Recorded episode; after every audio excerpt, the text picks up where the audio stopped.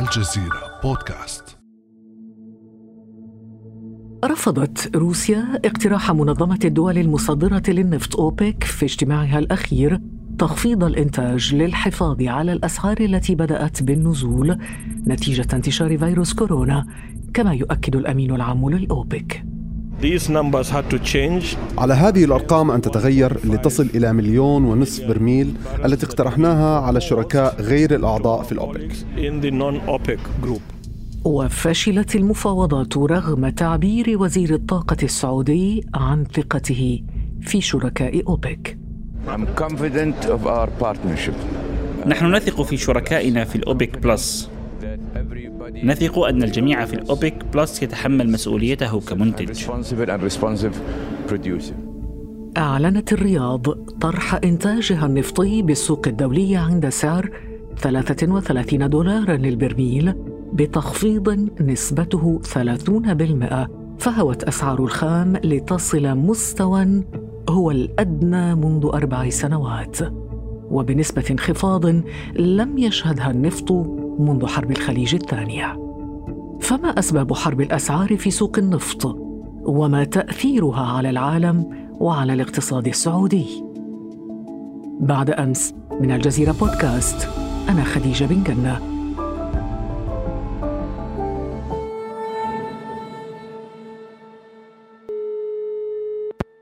معنا اليوم الدكتور حسن البراري دكتور العلاقات الدولية. أهلا وسهلا بك دكتور. أهلا بك دكتور حسن براري ما الذي دفع السعودية برأيك إلى الدخول في هذه الحرب؟ يعني هذا أمر حقيقة غريب جدا أن تبدأ السعودية بهذه الحرب وهي بأمس الحاجة لموارد موارد مالية لتمويل كثير من هذه المشاريع لكن أيضا السعودية هي تنظر إلى نفسها بالعادة كما يقال باللغة الإنجليزية إنه هي ال price setter أي أنها هي الدولة التي تحدد أسعار النفط عالميا لكن هذه الحقبة ولت حقيقة لأنه هناك عدد من الدول خارج أوبك التي كانت تسيطر عليها السعودية إنتاجها كبير جدا أيضا ويمكن لها أن تلعب في هذه المعادلة. من هنا دخلت السعودية في هذه الحرب بعد أن رفضت روسيا أن تقبل فكرة التخفيض يعني لماذا رفضت روسيا؟ روسيا اولا يعني يمكن الإشارة إلى سببين، السبب الأول أن السعودية في فترة من الفترات كانت ترفع الإنتاج من أجل تخفيض النفط خدمة لسياسة الولايات المتحدة الأمريكية لضرب الاقتصاد الاقتصادين الروسي والإيراني. وكانت هناك مناشدات روسية دائما باتجاه السعودية بأن يتم الاتفاق على يعني سعر معين على حصة معينة إلا أن السعودية كانت ترفض ذلك جملة وتفصيلا وقولا واحدا لأن كان المطلوب هو ضرب الاقتصاد الروسي وضرب الاقتصاد الإيراني أيضا. فبالتالي يبدو أن روسيا يعني لم تنسى للسعودية هذا الموقف.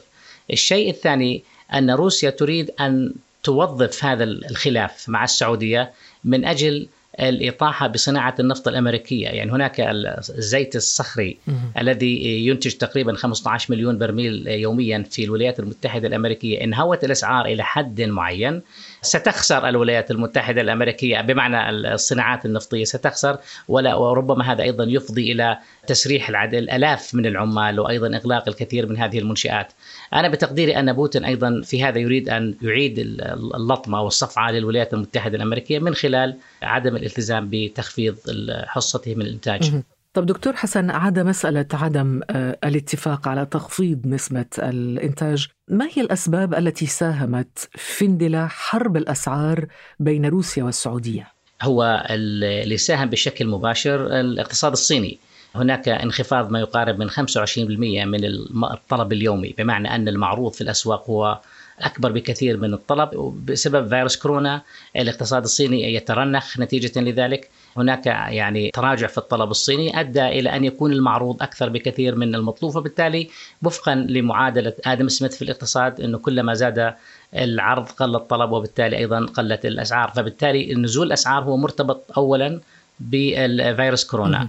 طب دكتور حسن براري على المدى المنظور كيف سيؤثر الإعلان السعودي عن تخفيض أسعار آه، البترول أو إنتاجها من البترول على أسواق النفط والاقتصاد العالمي؟ لا يعني سيكون هناك تأثير كبير جدا لدرجة أن آه، صحيفة بحجم نيويورك تايمز تتحدث عن الشراكة مع السعودية وتقول بأن ولي العهد السعودي ربما ليس الشريك الذي يمكن أن يعتمد عليه على اعتبار أن هذا القرار قرار تخفيض الأسعار وأيضا ضخ المزيد من الإنتاج في الاقتصاد هو غير حكيم هو لا يخدم حتى الأجندات السعودية على المدى المتوسط طيب دكتور حسن طبعا لافت أنه آه، تكلفة إنتاج النفط في السعودية هي ربما الأقل في العالم عشر دولارات فقط وبينما تتضاعف التكلفة في روسيا وفي الولايات المتحدة الأمريكية ما دلالة ذلك؟ هلا لا يمكن قراءتها بالمطلق لأنه صحيح 10 دولارات وفي روسيا 17 دولار تكلفة الإنتاج لكن النسبة تقرأ بشكل مختلف أستاذة خديجة لأنه السعودية اقتصادها يعتمد بشكل شبه كلي على النفط في حين أن روسيا اقتصادها متنوع عندها سلاح يمكن تصدره. الولايات المتحدة الأمريكية عندها أقوى اقتصاد في العالم فبالتالي دور النفط في الاقتصاد في الجي دي بي اللي هو الناتج المحلي الأمريكي أو الناتج المحلي الروسي هو نسبته أقل بكثير من الحالة السعودية فبالتالي ربما تستطيع تستطيع أن تصمد السعودية في هذه الحرب لكن أثارها على الاقتصاد السعودي مدمرة أكثر من على الاقتصاد الأمريكي. نعم ولكن دكتور عندما تقول أن السعودية ستتضرر لنفهم كيف ستتضرر السعودية؟ السعودية دولة ريعية بمعنى أن دور الدولة ليس دورا إنتاجيا وإنما إعادة توزيع الثروة على المواطنين من خلال المشاريع ومن خلال علاقة زبائنية أو ريعية مع مع المواطنين. الآن عندما تنخفض أسعار النفط ويقل موارد الدولة السعودية فبالتالي هذا سيؤثر على اولا خطتها في 2030 لأنها هي بحاجة إلى إنفاق كبير جدا على البنى التحتية. في وقت تفشل فيه في جذب المستثمرين الأجانب لطبيعة النظام السعودي لغياب الحرية لغياب الشفافية. هناك ملاحظات كثيرة جدا من قبل المستثمرين على مستوى العالم. فبالتالي في في ظل غيابهم لابد للدولة السعودية أن تتدخل وتقوم بالإنفاق على هذه المشاريع. الآن لن تتمكن الدولة السعودية وهي تخوض حرب في اليمن وهي أيضا تخسر جزء كبير جدا من أسعار واردات النفط. وفي وقت أيضا وصلت قيمة الصندوق السيادي السعودي من 750 مليار إلى أقل من 500 مليار في آخر عامين بسبب السياسات السعودية في هذه المنطقة. وأيضا يؤثر بشكل مباشر على أرامكو. شاحنة متوسطة الحجم تهوي متأرجحة في منحدر صخري فاقدة التوازن. كان هذا مقطعا تداوله مناشطون سعوديون تعبيرا عن استيائهم من الهبوط المفاجئ لأسعار أسهم عملاق النفط السعودي أرامكو بنسبة عشرة بالمئة دفعة واحدة متأثرة بالهبوط القياسي لأسعار النفط جراء حرب الأسعار بين السعودية وروسيا. مواطنون سعوديون قالوا لوكالة رويترز إنهم متخوفون من فقدان مدخراتهم. التي وضعوها في أسهم الشركة عند طرحها في البورصة العام الماضي. المغردون السعوديون على تويتر سخروا من تصريحات وزير الطاقة السعودي التي حث فيها على الاستثمار في أسهم أرامكو. المتاكد منه انه كل من لم يكتتب سيعض يعني أصابع الندم على سوء التقدير وسماعه للمصادر السيئة اللي أرادت أن تحبط همتنا و قيمة آه، هذه الدولة ومكانة اقتصادها ومكانة الشركة. ربما إذا المستثمرون الذين اتبعوا كلام الوزير هم هم الذين الآن يعضون أصابعهم. نعم بالضبط نعم. آه، لكن هي شوفي هو الأزمة يعني يمكن أن تكون مؤقتة لو بالفعل يتعلم صانع القرار السعودي بأن يجب أن تدار السياسة بما يخدم مصالح الدولة السعودية وليست المناكفات والحروب الجانبية والثانوية والحروب الرمزية. محاولة تطويع بوتين لها ثمن كبير على الاقتصاد السعودي. هل المجتمع السعودي قادر على الصمود أمام هذا أم لا؟ هذا سؤال طبعا مرهون آه، إجابته في قادم الأيام. دكتور حسن براري برأيك ما التداعيات المحتملة لحرب الأسعار على البورصة وأسهم الشركات السعودية وخاصة طبعا أسهم أرامكو؟ يعني هي درة الاقتصاد السعودي أرامكو. يعني هكذا ينظر إليها من قبل العديد من المنظرين الاقتصاديين العالميين. الآن فقدت بما يقارب من 200 مليار أو أكثر حتى من قيمتها قيمتها في الأسهم. وكان الرهان السعودي رهان تحديدا ولي العهد السعودي الأمير محمد بن سلمان عندما جاء برؤية 2030 كانت تعتمد على طرح هذه الأسهم في البورصات العالمية.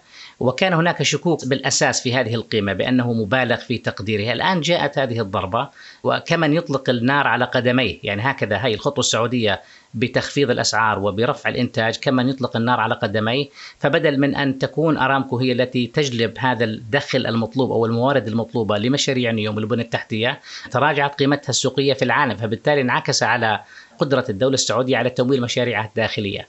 هلا الاقتصاد العالمي طبعا سيتأثر لأن أرامكو أيضا هي نتحدث عن عملاق لا نتحدث عن شركة عادية وربما تكون هي الشركة الأقوى في العالم من شركات النفط. الآن عندما تتهاوى الاسعار هذا أيضا يعني سينعكس على الشركات الأخرى التي سيقل قيمة السهم بها.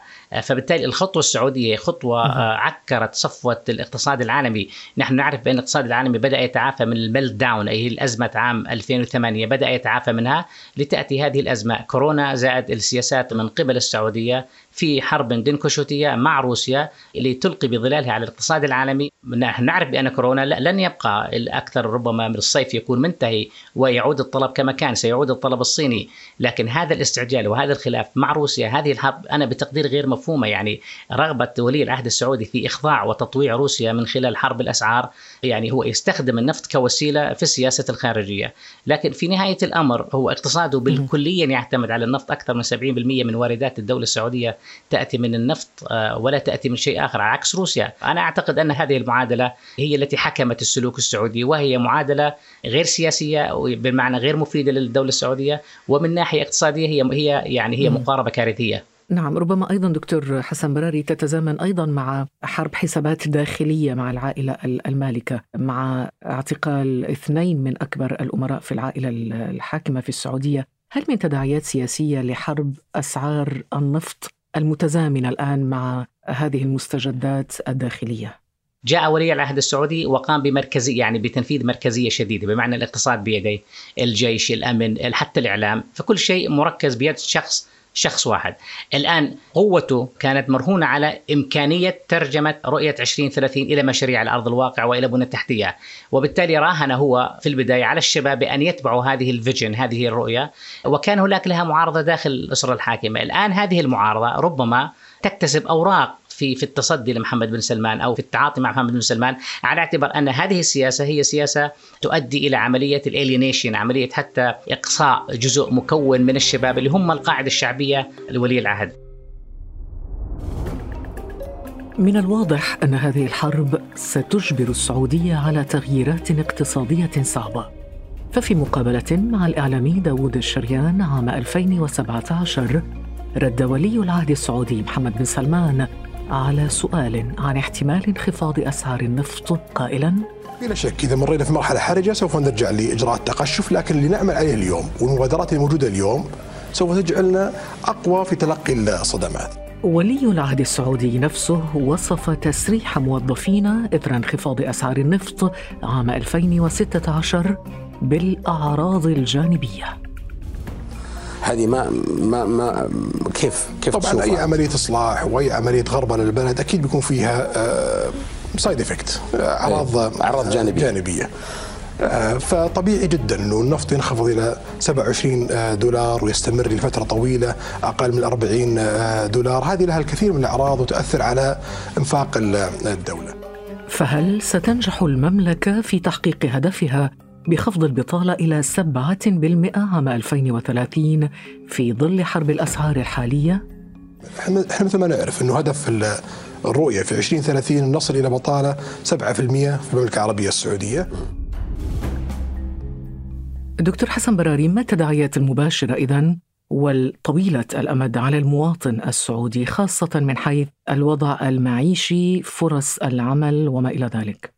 آه، يعني شيء طبيعي إنه يكون في آه، بطالة تسريح عمال أو ستقل فرص العمل في المستقبل المنظور وأيضا سيؤثر على برامج الدولة التي تأخذ بعين الاعتبار الاعتبارات الاجتماعية يعني في جزء يعني الدولة رعية كما قلت في بداية حديثي. فبالتالي لن يكون هناك الموارد الكافية لتمويل هذه المشاريع. وهذا سينعكس إلى إحباط عند هذا المكون من الشباب. لكن أيضا حتى تعليق على كلام آه، سمو الأمير محمد بن سلمان عندما يتحدث عن 2030 هو هي رؤية أنا أنا قرأت الرؤية لكن تطبيق هذه الرؤية وترجمتها عمليا تستلزم تحويل المجتمع السعودي وكأنه المجتمع الياباني. بمعنى ان أن هناك حاجة لإحداث توازن بين الاصلاح الاقتصادي ولازم أن يرافقه أيضا إصلاح سياسي، ما حدث العكس تماما هو يعني مركزية شديدة في اتخاذ القرار.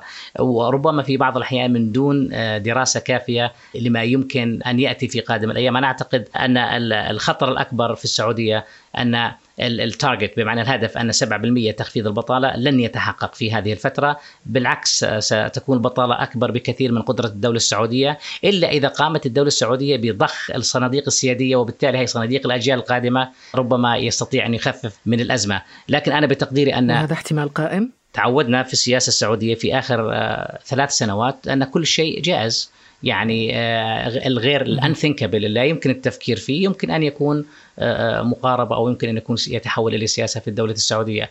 فهي في مأزق أنا بتقديري في هذه الفترة. فبدل من أن تعتمد على فكرة التشاركية مع مع دول العالم لإيجاد صيغة صيغة الوين وين التي يربح بها الجميع تصرفت السعودية بشكل منفرد كعادتها في آخر أربع سنوات تصرفت بشكل منفرد مما ألحق الضرر بالاقتصاد السعودي وقدرة السعوديه على ترجمة رؤية 2030 إلى واقع طب هذا الاحتمال آه، دكتور حسن براري يعني ألا يطرح ربما انعكاسات كارثية؟ أنا بتقديري نعم لأنه إذا لجأ إلى الصناديق السيادية وهي طبعا للأجيال القادمة أو هي عبارة عن الاحتياط الاستراتيجي للدولة السعودية، إذا أصبح هذا الاحتياط في آه، في الموازنة العامة السنوية بتقديري كارثة.